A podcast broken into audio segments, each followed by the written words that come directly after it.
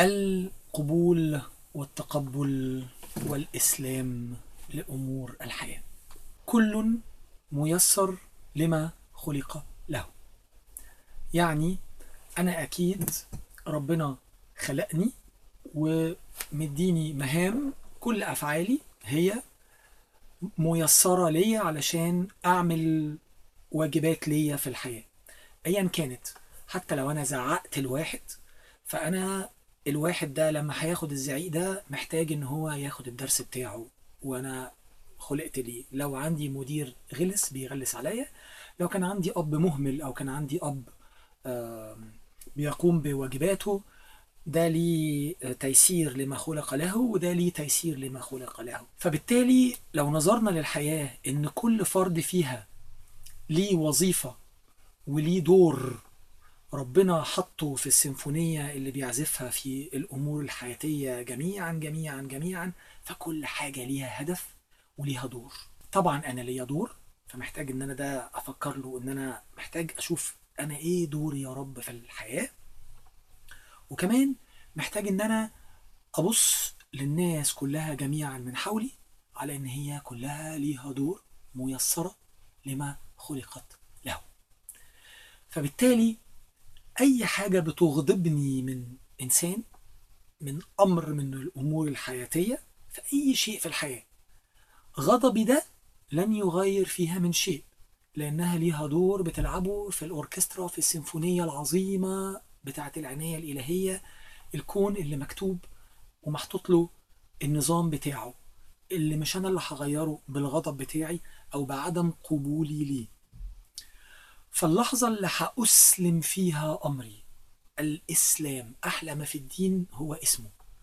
الإسلام للأمور الحياتية ولكل واحد موجود في الدنيا لكل مخلوق إن كان إنسان أو غير إنسان. إسلامي لي وقبولي لي ده بيجيب راحة نفسية فظيعة. لأنه أنا مين عشان لا أقبل بأنه في زحمة شوارع أنا مين علشان لا أقبل بأنه في أب أو أم أو مدير أو أخ أو قريب أو زوج أو زوجة بيضايقوني بيجوا على على نفسي جامد جدا بيضغطوا عليا جامد جدا. هم موجودين عشان يعلموني درس ميسرين لما خلقوا له. فعدم قبولي بأي شيء في الحياة أنا اللي هتعذب الوحيد.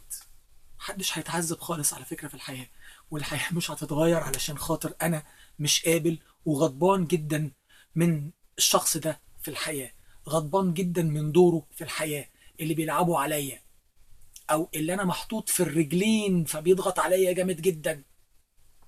مش هستفيد ولا شيء.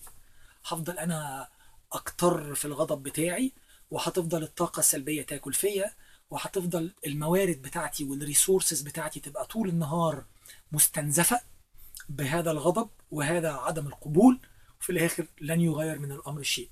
فأنا محتاج إن أنا أسلم أمري إلى الحياة وللعناية الإلهية وللنظام الكوني اللي ربنا حطه. لأن ربنا قال لكل واحد فيهم كن فكان.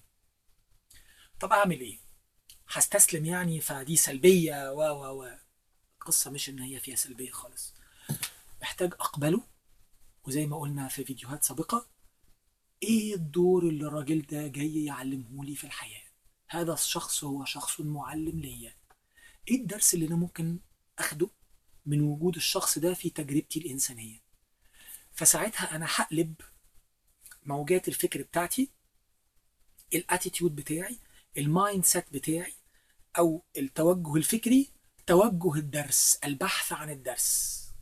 أنا محتاج إن أنا أتعلم إيه من وجود الشخص ده. حد محتاج يعلمني الصبر؟ جايز. حد محتاج يعلمني آه التخطيط؟ جايز.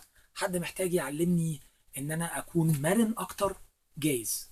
كل حد في الحياة ميسر لما خلق له فأنا محتاج أشوف دايما الدرس والمهارة الجديدة اللي محتاج أتعلمها اللي ربنا حط لي الشخص ده علشان أتعلمها عن طريقه فاسمه وأكبر لأنه دايما ربنا عايزنا نكبر ونسمو ونتعلم ونبقى أمهر.